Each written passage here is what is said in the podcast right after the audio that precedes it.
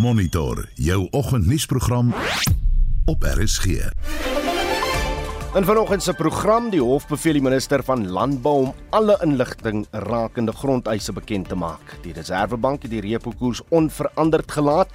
Daar is steeds 'n groot tekort aan bloedvoorraad in die Wes-Kaap en kommer oor 'n groot aantal hartpasiënte wat nie al medikasie drink nie. Welkom by Monitor onder redaksie van Jean Estreisen. Ons produksieregisseur vanoggend is JD Labeskag en ek is Oudo Karelse. Dis 'n besige sportnaweek wat voorlê. Ons kyk terug na Banyana Banyana se kragmeting teen die FSA, die vroue Protea se kragmeting in die reeks teen Nieu-Seeland wat Sondag gespeel word en ons doen 'n voorskou oor die Springbokke se wedstryd by die Wêreldbeker Saterdag aand wanneer hulle teen Ierland te staan kom. Ons gesels met 'n voormalige Springbok afrigter oor die kragmeting. Nou dit gons in Frankryk met die hitsmerk Dupont na die gasheidland van die Wêreldbeker se skrimskakel Antoine Dupont 'n wangbeenbesering opgedoen het wat die eh, meesterbrein nou uit die Wêreldbeker sal hou tot ten minste die halfeindstryd. Dis nou as Frankryk die halfeindstryd haal. En dit het gebeur uh, na hy en Namibië se kaptein koppige stamp het wat 'n rooi kaart tot gevolg gehad het vir Johan Duisel soos jy nou in die nuus gehoor het en net so terloops as jy nou nie gekyk het nie dit was wel in die nuus maar die uh, telling daar 'n rekord 96-0 Nou ek weet jy van jou nie maar ek was lanklaas so angstig oor 'n rugbywedstryd soos wat ek is voor Morrison.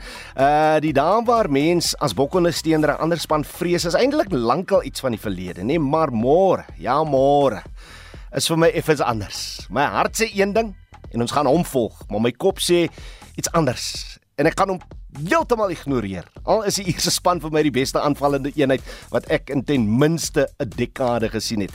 Maar kom ons vra jou. Die Springbokke kom môre teen Ierland te staan in die Rugby Wêreldbeker. Gaan die Bokke afrigspan se 7-1 reservebank C4 teen Ierland? Is jy as Bokondersteuner bang vir die mees aanvallende span by die Wêreldbeker 2023 in twee wedstryde mense? 20 Wat dink jy? Gaan die uitslag wees tussen Suid-Afrika en Ierland? Stuur gerus 'n stemnota na die nommer 0765366961 of stuur vir ons 'n SMS op die nommer 45889 en dit kos jou R1.50 per SMS. Kom ons begin eers met uh, een van die groot stories van die afgelope 24 uur. 'n Ondersoek is gelas na die oorsaak van die ongeluk op die vloot se Mantatisi duikboot aan die kus by Kommetjie in die Wes-Kaap. Uh, Skout Admiraal Musankomonde van die vloot sê die ongeluk het Woensdag gebeur tydens 'n oefening om bemanningslede van 'n lugmag helikopter in die lug na die duikboot te laat sak. Hy sê 'n hoë bediening het 3 bemanningslede bo op die boot afgeslaan of uh, liewer duining het uh, die drie bemanningslede bo op die boot afgeslaan. Komonde sê toe uh, ander vlootlede probeer help om die lede, lede te red, het 'n tweede golf die duikboot getref. They managed to recover three of them back on board and the others were recovered by a boat from NSRI. When these evolutions take place, uh, security also correction, safety is, is of utmost importance. All the safety measures were in place All the members were involved in the evolution were wearing life jackets and safety harnesses, which are safety measures when such incidents occur. Unfortunately, three of our members didn't make it. They passed on, and the other four members were evacuated to the various hospitals in the Cape. As we speak now, those members that were admitted in hospital, three have been discharged. One is still in the hospital, stable and recovering. He will be discharged tomorrow morning. Komonde sê berading sal aan die vlootlede en families van die oorledenes verskaf word. And those who are in hospital, they are recovering, we're going to give them time off. But the proper and necessary support will be given. And for those who, who passed on, we've got uh, regulations and prescripts that we follow like any government department. But for now, in terms of the cause of the accident, an inquiry will be convened so that we can establish what happened now because it's not the first time we're doing such an evolution. And I'm told, I don't want to speculate now, that all safety precautions were adhered to. So that is why then we convene a board of inquiry to establish what happened and to prevent future recurrence of what happened. Die mini vloot fees wat vir die naweek by die VNA Waterfront beplan is, is intussen gekanselleer. Die verslag is saamgestel deur Lerato Dlalisa in Kaapstad.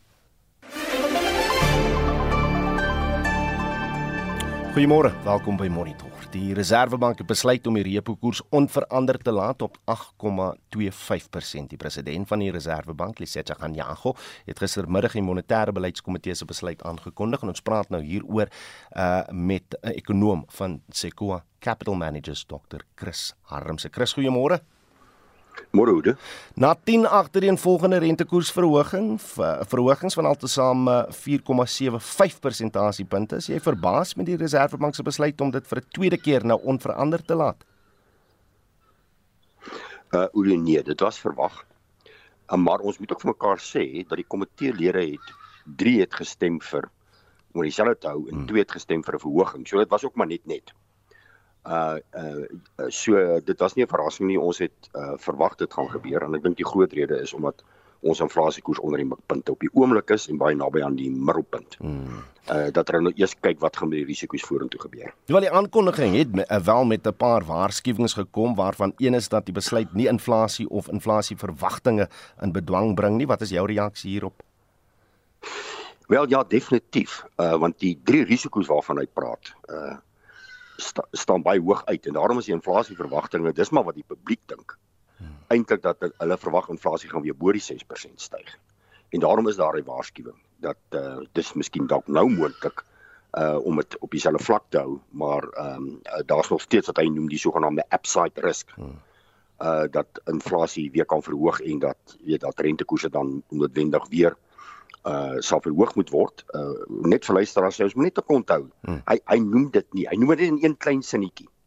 Maar uh ongelukkig is dit so. Die wat die FSA se Federale Reserve Raad besluit uh beïnvloed sy besluit grootliks. Hmm. Sou die Federale Reserve Raad uh, uh gister uh, gister alle rentekoerse verhoog het, dink ek ons sal gevolg het. Hierdie verbruikersprysindekse invloed op die rentekoers besluit gehad uh ja wel definitief. Ek bedoel ek sê ons is nou op 4.8% is amper by die middelteken. Uh en ehm um, daarom kon hy op hierdie stadium die rente die, die rentekoerse dieselfde hou. Uh en daar is nie daai baie sterk opwaartse druk op pryse op die oomblik nie. Ehm uh, en en daarom kon ons nou so 'n bietjie asem skep. Hmm. Chris, wat sou moet gebeur vir 'n verlaging in die repo koers en rentekoerse voor die einde van die jaar? Ek sal sê drie goed. Nommer 1, ons moet hy die drie risiko's aanspreek van hoër voedselpryse. Uh die uh, sterk stygings in die internasionale oliepryse en petrolpryse wat op die oomblik nie werk nie. Net hmm. onthou, petrolpryse het nou in Augustus gedaal met 8.8% hmm. jaar op jaar. As gevolg van verlede jaar net na die Russiese oorlog was die olieprys verlede jaar in Augustus oor 100 dollar. maar dit gaan skiet dit gaan tog tog intree. En dan natuurlik ook ehm um, as die rand verbeter. Ek bedoel die rand die rand die rand is een van die groot risiko's op die oomblik. Uh hy het om met 10% met ander woorde 2 rand verswak hierdie jaar. Uh en dan die heel laaste is ehm um, afhangende van uh wat natuurlik soos ek sê met oliepryse gaan gebeur en wat gaan die FSA se aankondigings oor hulle rentekoerse wees. Dit alles gaan bepaal hmm. of ons met hulle laaste vergadering 'n moontlike verlaging gaan kry wat ek dink natuurlik uh, nie sal gebeur nie. Ons kan eintlik verwag dat daar miskien 'n verhoging kan plaasvind. En nou, Chris Armse, dankie vir jou tyd op monitor. Hy's ekonom van Sequoia Capital Managers. Die minister van Landbou, Grondhervorming en Landelike Ontwikkeling, Toko Didiza, en die hoofgrondeise kommissaris Nomfundo Ntloko-Kobodo moet ingevolge 'n hofuitspraak alle inligting rakende grondeise in Suid-Afrika bekend maak. Die saak hou verband met 'n hofaansoek wat deur die Suider-Afrika Agri en Agri Inisiatief SAI gebring is nadat die organisasie talle klagtes van boere ontvang het oor ongegronde of stadig bewegende grondeise wat die ontwikkeling of verkoop van hul plase belemmer. Ons praat nou hieroor met SAI se uitvoerende hoof François Rousseau. François, goeiemôre. Goeiemôre Oudo. Goeiemôre aan jou luisteraars. Die saak kom nou al 'n lang pad. Kan jy vir ons net vinnig weer 'n bietjie van die agtergrond skets? Ja, ons het al hierdie ehm um, versoek vir inligting of baie aansoek geloods in 2020 waar ons al gevra het vir aanvanklike inligting rondom al die grondeise en en die verslae wat ingedien is by die parlement daaroor.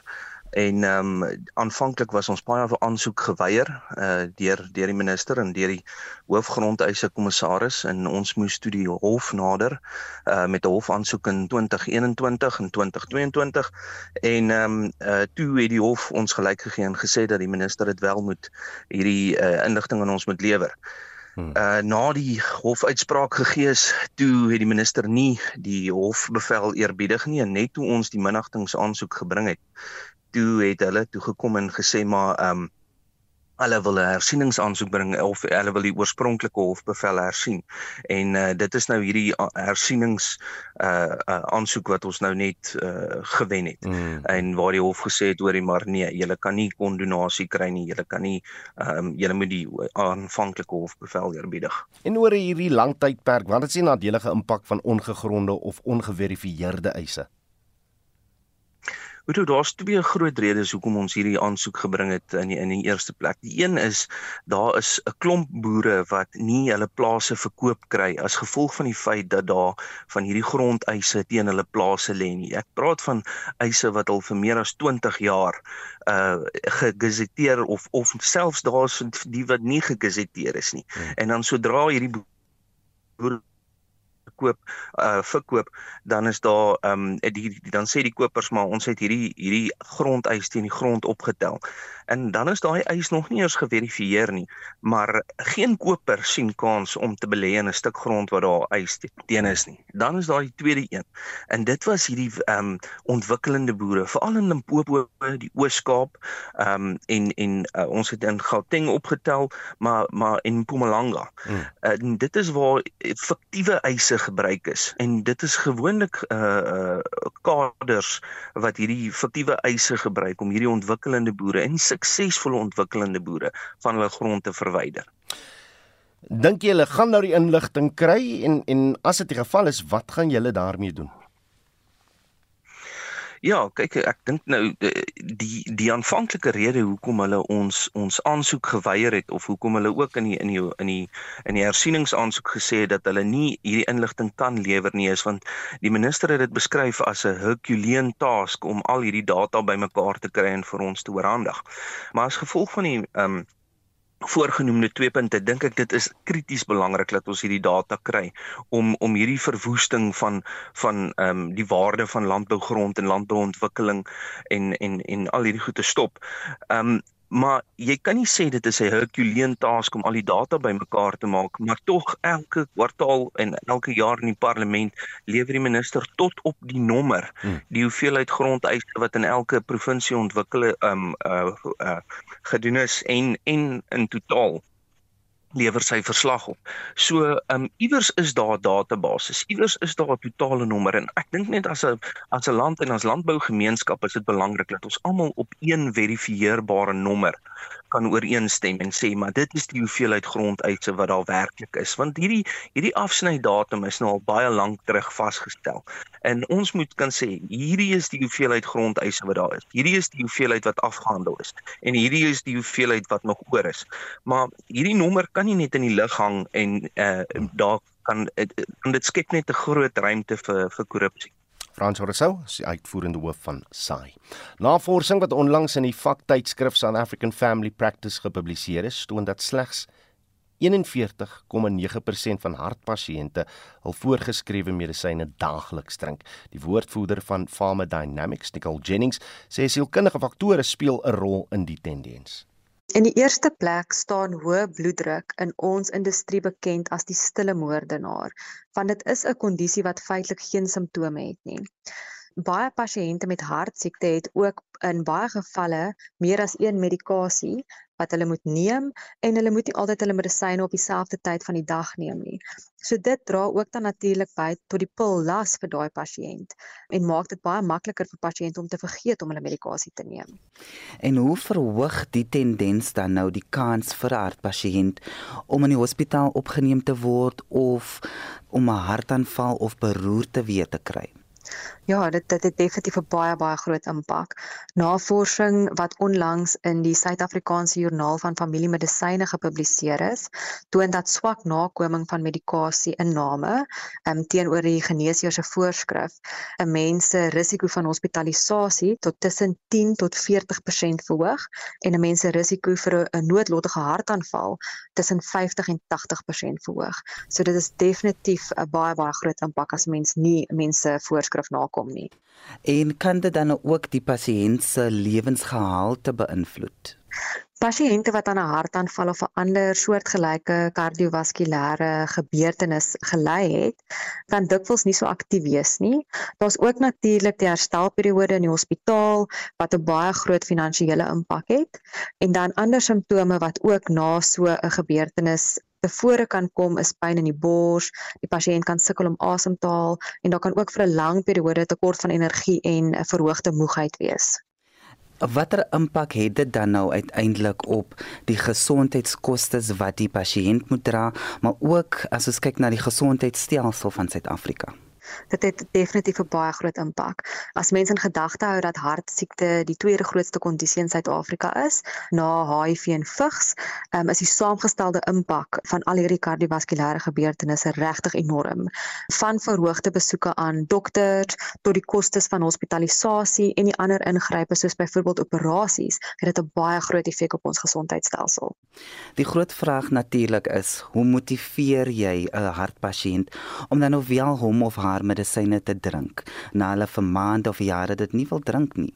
Een ding wat definitief 'n groot impak het, is vir familielede en geliefdes om daar 'n rol te speel en om die mense te motiveer. Al is dit deur 'n daaglikse WhatsApp om te sê het ma of pa julle medisyne vandag gedrink. 'n Mens kan ook natuurlik in publieke forums meer daaroor gesels. Dit is baie belangrik om mense op te voed veral omdat hartsiekte as 'n reël voor 'n kardiovaskulêre gebeurtenis min simptome het, soos byvoorbeeld hoë bloeddruk. Is dit belangrik om gesprekke te hê sodat mense bewus is daarvan dat hoewel mens voel asof 'n mens gesond is, dit nog steeds so belangrik is om medikasie te neem en om mense bewus te maak van die voordele daarvan. Pasiënte kan ook met hulle dokters gesels oor 'n kombinasieterapie. Daar's deesdae baie opsies beskikbaar waar een tablet meer as 1 molekuule bevat en waar hulle dan moontlik minder pille per dag, minder kere per dag kan drink wat ook in baie gevalle 'n groot impak het. En so sê Nicole Jennings, die woordvoerder van Dynam Dynamics en sy daar met ons Jean Estreisen gepraat. Besproeiingsboere van die Vaalhartswaterskema in die Noord-Kaap sê voedselproduksie gebeur teen 'n stadiger pas as gewoonlik weens watertekorte en beerdkrag. Hulle verwag 'n verlies van miljoene rande as gevolg van die onbestendigheid in krag en water toevoer. Die landbouers boer hoofsaaklik met graan, mielies en sojabone. Joan Marie Verhoef vertel ons meer. Richard Godfrey is 'n graanboer in die Vaalhartsgebied. Hy sê beerdkrag, die hoë watertariewe en die skerp stygings in die dieselprys maak dit moeilik om op 'n volhoubare manier te boer. So wat ons doen op insetpryse met 'n ouma 'n prys kry, 'n basisprys waar jy nog steeds winsgewend kan wees en waarmee jy kan doen en en dan probeer jy maar aankoop teen daai pryse en dan in terme van produkte verkoop kyk 'n ouma na gewasse waar jy kontrakte kan teken vooraf om daai risiko uit te skakel. In terme van die besproeiing en die beerkrag kyk 'n ouma om jou bestuurspraktyke te verander as jy kan om beter wortels te kry, beter gesonder gewasse om deur daai moeilike tye te probeer gaan en om daai verlies soveel as moontlik te kan beperk. Die adjunkvoorsitter van die Vaalharts Distriks Landbou Unie, Werner Erasmus, sê sommige boere sukkel om die produksiekoste te dek. As jy net besef dat dit net vir pekanete is en jy neem in ag dat ons in ons koringsseisoen ingaan, lucerne produksie ingaan, dan gaan dieselfde goed daar gebeur. Hoe warmer dit word, hoe groter is die vraag na water, hoe groter word die vraag na elektrisiteit. Terwyl ons op fase 6 beerdkrag sit, um, is dit amper onmoontlik om die ondergrond vol te hou. Die plante sal éventueel uit water uit hardloop wat voedselsekuriteit verseker onder druk sal bring. Die hoofekonoom van die Landbousakekamer Agbiz, Wandile Sihlobo, sê hoewel sakevertroue in die landboubedryf in die 3de kwartaal verbeter het, is daar baie uitdagings wat boere moet trotseer. Now, for the past three quarters, there's been a depressed sentiment in the sector, but for the data for the third quarter of this year, it showed a bit of an improvement from about 44 to 50 points, which is the midpoint. And anything that is above 50, it usually tells us that there is optimism about the business conditions in the sector. Inwoners van Kimberley sê hulle kan nie die stygende kospryse bekostig nie kom uit by dit van die geld is baie min en die goede is vreeslik duur. Dit gaan elke dag op. Ek moet voorsien dat daar spanne wat skool loop soos ek het een wat in matriek is. Ek kan ook by matriek uitkom nie. Van wie se geld ek wil meer is geld met ek gebruik vir kos. So dis hoe die kos pryse my geëffekteer. Die verslag is saamgestel deur Neria Glakotsa in Kimberley. Ek is Jo Marie Verhoef vir SAK nuus. Jy luister na Monitor elke weekoggend tussen 6 en 7. Byna 29 minute voor 7 in die tweede halfuur eh, slegs 15% van die Verenigde Nasies se volhoubare ontwikkelingsdoelwitte vir 2030 is op koers. En ons praat met die ou bok uh, afrigter Pieter de Villiers oor die bokke se komende wêreldbeker wedstryd môre teen Ierland. Bly ingeskakel hier op RSG. Reg, die Springbokke kom môre teen Ierland te staan in die wêreld 'n beker toernooi in Frankryk. Gaan die Bok afrigspan se sewe en reservebank C4 teen Ierland? Is jy as Bok ondersteuner 'n uh, bietjie bang vir die mees aanvallende span by die wêreldbeker? Is nou Ierland. En wat dink jy gaan die uitslag wees tussen Suid-Afrika en uh, Ierland? Laat weet op die uh, SMS lyn en uh, dis waar ek nou na toe gaan om te sien wat julle te sê het. Uh, Johan van Pretoria sê vroeër jare O, oh, hy praat oor uh, iets anders. Vroeger jare sê hy was hy blik die advertensie so gewees zert sit in 'n Zibi blik en ek weet presies van uh watter uh dit advertensie hy daarvan praat. Ehm um, dan sê Loukie en Ermelo, die bokke gaan hulle omdop. Bokke gaan wen 17-12. Is nou die eerste keer hierdie week wat ek so voorspelling hoor nie.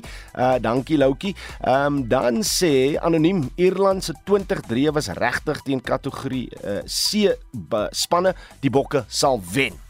Ek weet nie so seer daarvan nie. Hy Tonga wedstryd was vir my iets spesiaal geweest. En dan sê Stella Barnard van Kimberley, dit sal wees oor wie die wêreldbeker die graagste wil hê. Ek dink dis hierdie jaar Ierland se beurt, sê Stella Barnard van Kimberley. As die bokke verloor, kan ons net die blame gee vir Stella Barnard van Kimberley nê. Maar stuur gerus nog van julle 'n uh, uh, boodskappe 45889 is na die SMS lyn kos jou R1.50 per SMS of jy kan stemnota stuur na 0765366961. Slegs 15% van die Verenigde Nasies se volhoubare ontwikkelingsdoelwitte vir 2030 is op koers. Die teikens waarop daar in 2015 as ontwikkelingsmaatstaf ooreengekom is, is by die VN se tweedaagse volhoubare ontwikkelingsberaad in New York bespreek. Ons praat nou hieroor met die politieke wetenskaplike Roland Henwood aan die Universiteit van Pretoria. Roland, goeiemôre. Goeiemôre Oudo. Die die doelwitte en as 17 van hulle klink bietjie soos die wat die deelnemers aan me juffrou Heelal stel as hulle doelwitte, maar 15% is is net nie goed genoeg nie. Ja, dit is nie goed genoeg nie, maar ek dink 'n mens moet verby net die 15% gaan kyk en 'n bietjie breër kyk. Hmm. Wat is die doelwitte? En dan gaan kyk watter doelwitte is dit wat probleme gee. Die idee agter hierdie doelwitte is natuurlik om breedweg die vlakke van armoede en ongelykheid in die wêreld um, baie dramaties af te bring en dit beteken regerings moet met moet in in terme van hulle eie state baie beter presteer maar dan ook met mekaar begin saamwerk om hierdie doelwitte te probeer bereik. En dis nie sulke moeilike doelwitte nie, dit is hmm. basiese sosio-ekonomiese maatstawwe en doelwitte Ehm um, dit sluit in byvoorbeeld om armoede beter te bestuur en en af te bring dat daar nie honger te moet wees nie dat mense toegang moet kos moet hê. Maar dan is daar ook hoër vlakke van fokus. Uh, byvoorbeeld ontwikkeling van stedelike gebiede industriële ontwikkeling um, die bestuur van water en dan ook goed soos ehm um, energie. Mense se toegang tot elektrisiteit en die doel hiervan was die versnel van ontwikkeling en toegang tot groen energie, hmm. sonenergie, wind en en so. En en dit is as 'n mens die syfers begin ontleed. Dit is wanneer 'n mens begin verstaan dat jy hier te doen het met uitdagings teen opsigte van regering nie noodwendig onmoontlike doelwit nie. Hmm. Ek noem 'n voorbeeld. Die vlakke van werkloosheid in die wêreld is 5.4%. Dit is laer as wat dit was voor Covid. En en dit is waar die angel hier inkom. Nou nou gaan kyk jy na wat gebeur in 'n plek soos Suid-Afrika. Ons het die hoogste vlakke van werkloosheid nog ooit. Hoekom is dit so? Hmm. En en dit is hier waar 'n mens anders na moet begin kyk. Dit is nie dat die VN onmoontlike doelwitte stel ja. nie. In baie gevalle is dit dood eenvoudig swak regering en die onvermoë van regerings of die onwilligheid van regerings. As ons hier kyk na een van die belangrike doelwitte die van geslagsgelykheid en ons gaan kyk wat is besig om in groot dele van die wêreld te gebeur waar die regte van vroue en die geleenthede vir vroue dood eenvoudig ontneem word dan verstaan jy hoekom hierdie doelwitte nie bereik word nie. Met ander woorde, as ons kyk na Suid-Afrika se ekonomie oor die afgelope paar jaar en ook dit wat eh, globaal gebeur, is daar wel versagtende omstandighede om om vir ons 'n rede te gee hoekom die doelwitte nie heeltemal bereik word nie, maar maar gaan dit 'n versnelling 'n kniehalter Ja, en en ek, en ek dink daar's 'n basiese begrip wat hier nodig is en dit is dat as jy en en dis ek dink een van die waardes van hierdie doelwitte, dit maak alle state gelyk. Ons gaan kyk met antwoorde hoe lyk dit in terme van armoede. En die interessante ding wat 'n mens sien is dat 30 miljoen kinders in wat genoem word die eerste wêreld ly honger, hmm. leef in armoede. So so hierdie is nie net probleme van die agtergeblewe wêreld soos wat baie keer uit die wat genoem word die suide aangebied word nie. Ehm um, dit is baie keer probleme wat baie wyer strek. So dis die een vlak. Die ander vlak wat 'n mens moet gaan kyk is dat die toegang tot elektrisiteit is die hoogste nog ooit in die wêreld, 91%. Maar dit beteken daar's nog steeds 500 miljoen mense wat geen toegang het tot elektrisiteit nie. Nou dis relatief maklik om daai probleme op te los, maar dan moet jy die regte regeringsbenadering hê, jy moet die regte vermoë en kundigheid hê om dit te doen. Ehm um, en ons sien hoe dit gebeur in baie dele van die wêreld ehm um, waar daar geweldige versnelling in toegang tot elektrisiteit is. En dan kontrasteer jy dit met plekke waar dit nie gebeur nie hmm. of waar die toegang tot elektrisiteit beperk of onbetroubaar is. Weereens, ons sit met dit in Suid-Afrika, maar jy sit met dieselfde tipe probleme in Kalifornië wat die rykste staat in die VSA is, een van die rykste in die wêreld is. So so dit hierdie gaan nie oor dis net arm lande wat sukkel nie. Dit gaan oor wesenlike strukturele probleme reg oor die wêreld. Die die VN-sekretaris-generaal Antonio Guterres vra nou vir ekstra befondsing van ryk lande om die ontwikkelingsdoelwitte weer op die dreef te kry. G gaan dit na jou mening help? Dit kan help, maar ek dink daar's 'n ander probleem waaroor niemand wil praat nie. Dit is wat word gedoen met wat reeds beskikbaar is. Ehm um, Suid-Afrika se toegang tot elektrisiteit is nie as gevolg van 'n gebrek aan befondsing nie. Hmm. Ehm um, Zimbabwe se probleme met armoede is nie omdat daar niks geleenthede is nie. Swak regering. Die feit dat daar 30 miljoen arm en of, en hongerkinders in die eerste wêreld is, het te doen met ekonomiese en maatskaplike strukture wat nie meer funksioneer nie. So dis nie net befondsing nie, dis ook die bestuurskundigheid en die regeringskundigheid wat nodig is. Ehm um, as ons gaan kyk na die vlaag van militêre regerings wat in Wes-Afrika posvat, dan is die uitkoms daarvan verseker dat hierdie doelwitte nie bereik gaan word nie want daardie regerings fokus gewoon nie op hierdie maatskaplike probleme en doelwitte nie. Hulle kyk na politieke mag en hoe hulle dit kan beheer en gebruik. Dit was Roland Henwood, 'n politieke wetenskaplike aan die Universiteit van Pretoria. Die Parlement se portefeulje komitee oor justisie en korrektiewe dienste het die wysigingswetsontwerp op die nasionale vervolgingsgesag vir openbare kommentaar oopgestel.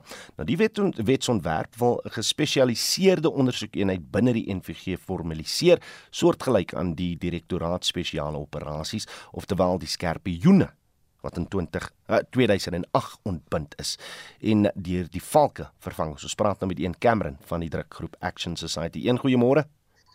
Goeiemôre Udo. Vir diegene wat vergeet toe die ANC in 2008 sy meerderheid in die parlement gebruik het om die skerpe joene te ontbind, wat was die die hoofredes daarvoor?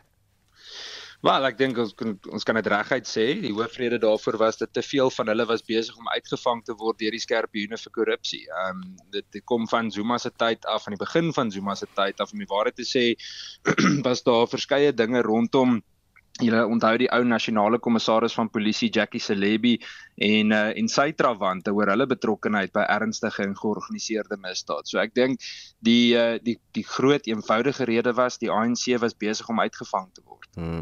Die die nasionale vervolgingsgesag uh, uit uit reeds sy eie spesiale ondersoek eenheid. Hoekom moet dit nou geformaliseer word dink jy? Ehm um, ek wel ek, ek dink ek gaan ek sê dit nou tong in die hmm. kies, maar ek dink ons moet dit eintlik net 'n departement van vervolging noem. Daar's geen gesag oor nie. Ehm um, die die groot ding is vervolgingspersentasies is die laagste wat dit nog was wat my betref. As ons kyk na iets soos byvoorbeeld moordvervolging, is dit is dit ver onder 20% van moorde wat suksesvolle ehm um, uh, vervolging sien.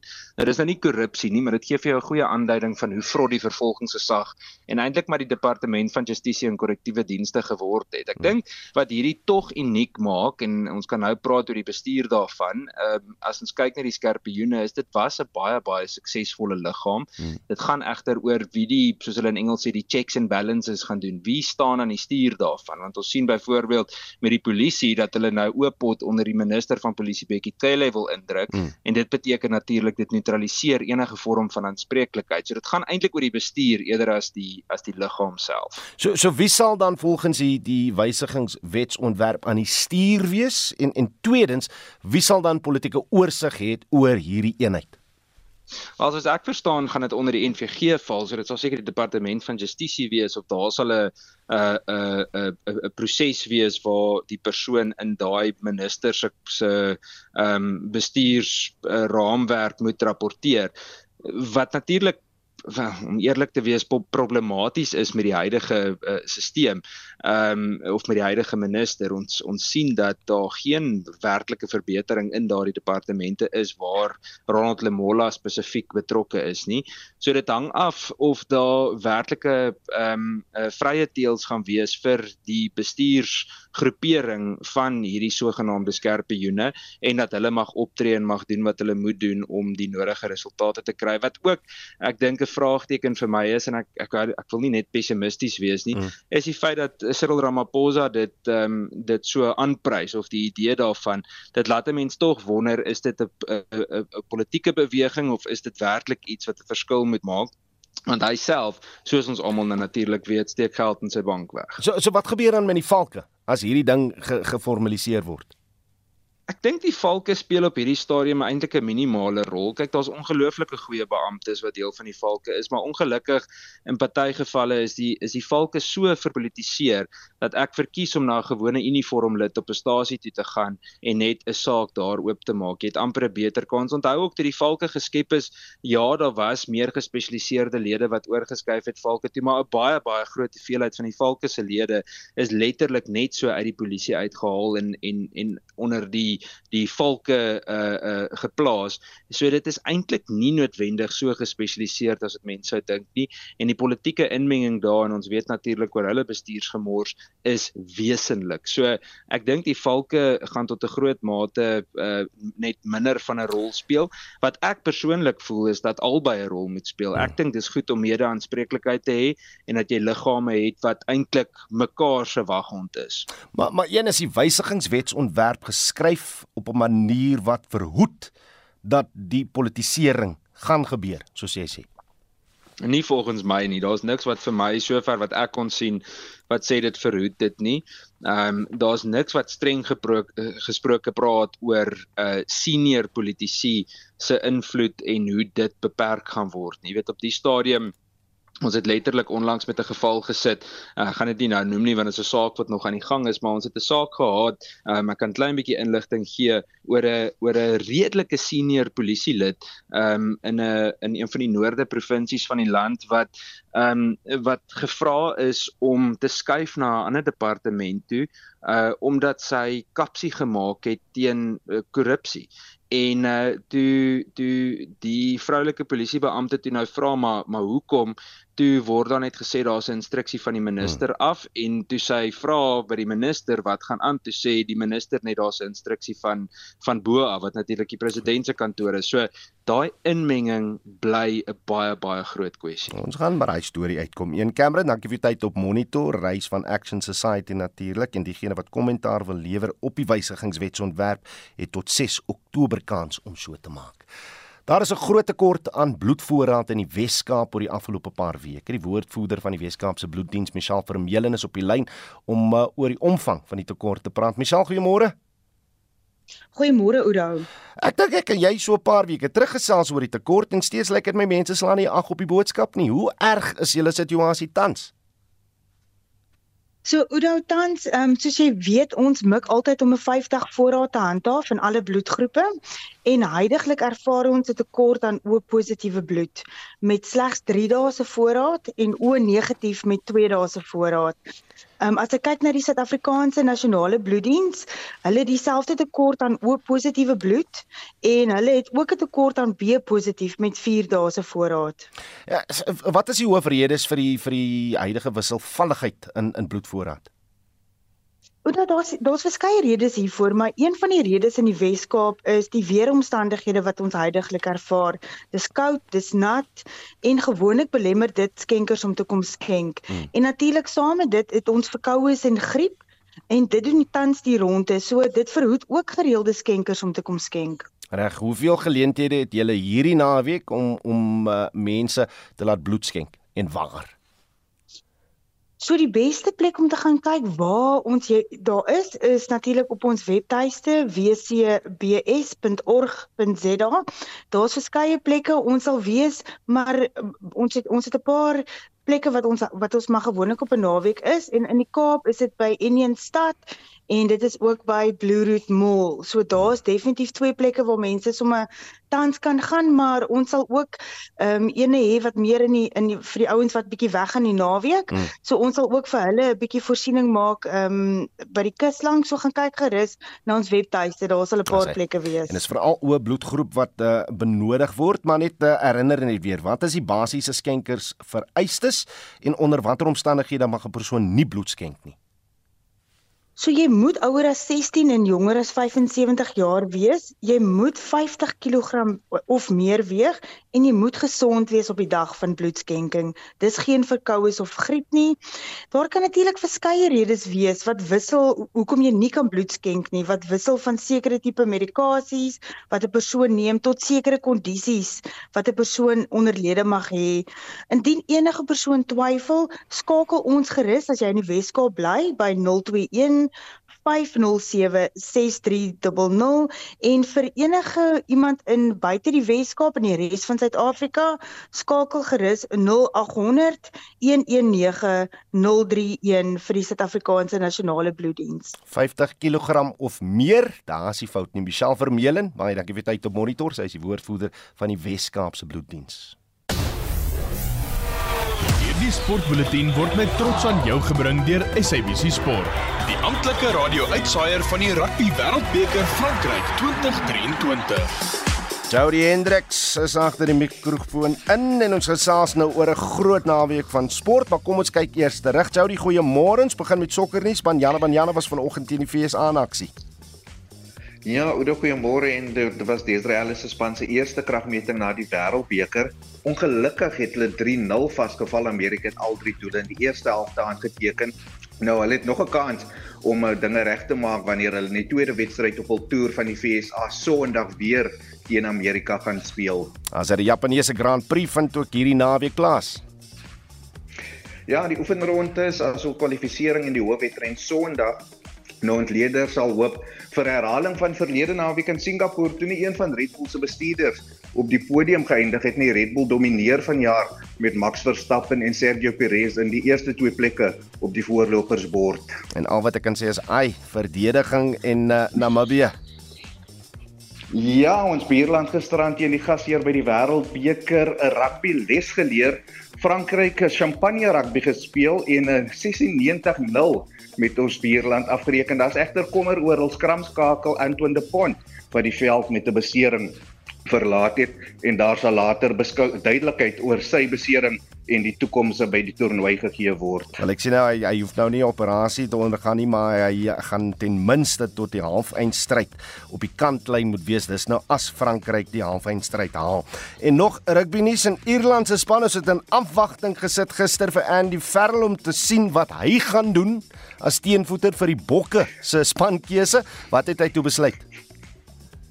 Hy het sy sterkste moontlike span gekies. Johnny Sexton gaan die span op loskakel aanvoer met Josh van der Vleer op flank en Bandi Akki op binnesenter en anders as die Springbokke Oudo wat sewe voorspelers op die reservebank gekies het, het hy net 5 voorspelers met drie agterspelers gekies vir die kragmeting Saterdag aan teen die Bokke.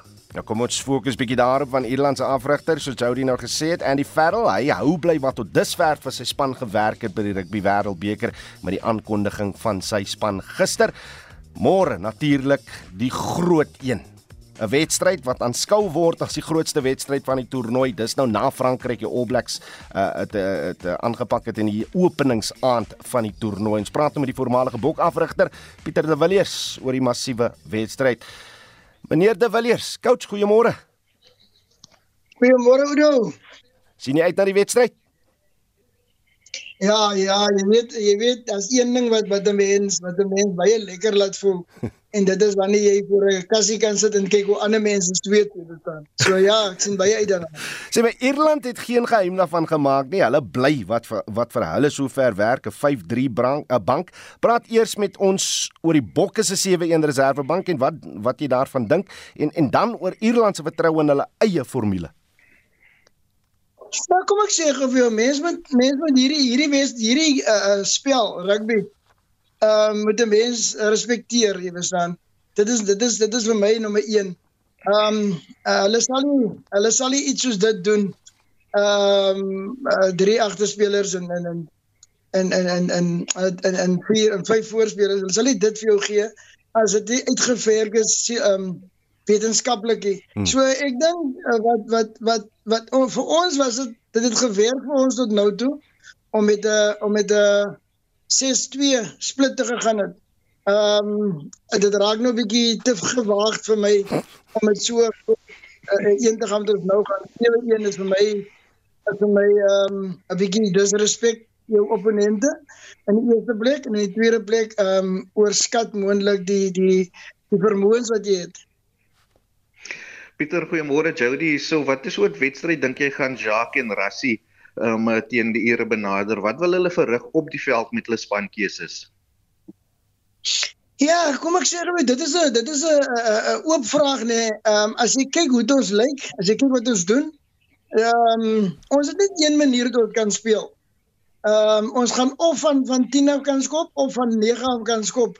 Ehm um, ons het nie baie uh, goeie uh uh binne agterspelers wat wat wat wat wat buite kan manie wat kan skep en en en, en geleenthede vir vir vir die buite agterspelers kan skep. So ek dink ons gaan definitief terug gaan na ons ou skop skoppatroon toe. Al wat hulle moontlik kan maak is om in hierdie wedstryd meer van 9 af te skop. Mense kan maar sê ja, maar Ierland het tot dusver net teen Roemenië gespeel en teen Tonga gespeel, maar wat hulle baie goed doen en en en jy kan maar kyk na die afgelope jaar. Is is om die lyn van aanval te wissel of dit nou met die agterlyn is deur iemand soos Bandi Aki of hulle los trio dis wat hulle goed doen. Hoe styt mense dit op die veld Pieter? Dis waar waar, waar Max vir ons 'n groot verlies is op hierdie stadium. Ehm um, met hom weg daar het Sia nou soveel druk soveel meer druk op hom want ehm um, jy gaan probeer om om om die aanvalle uit soos te stop. Mm.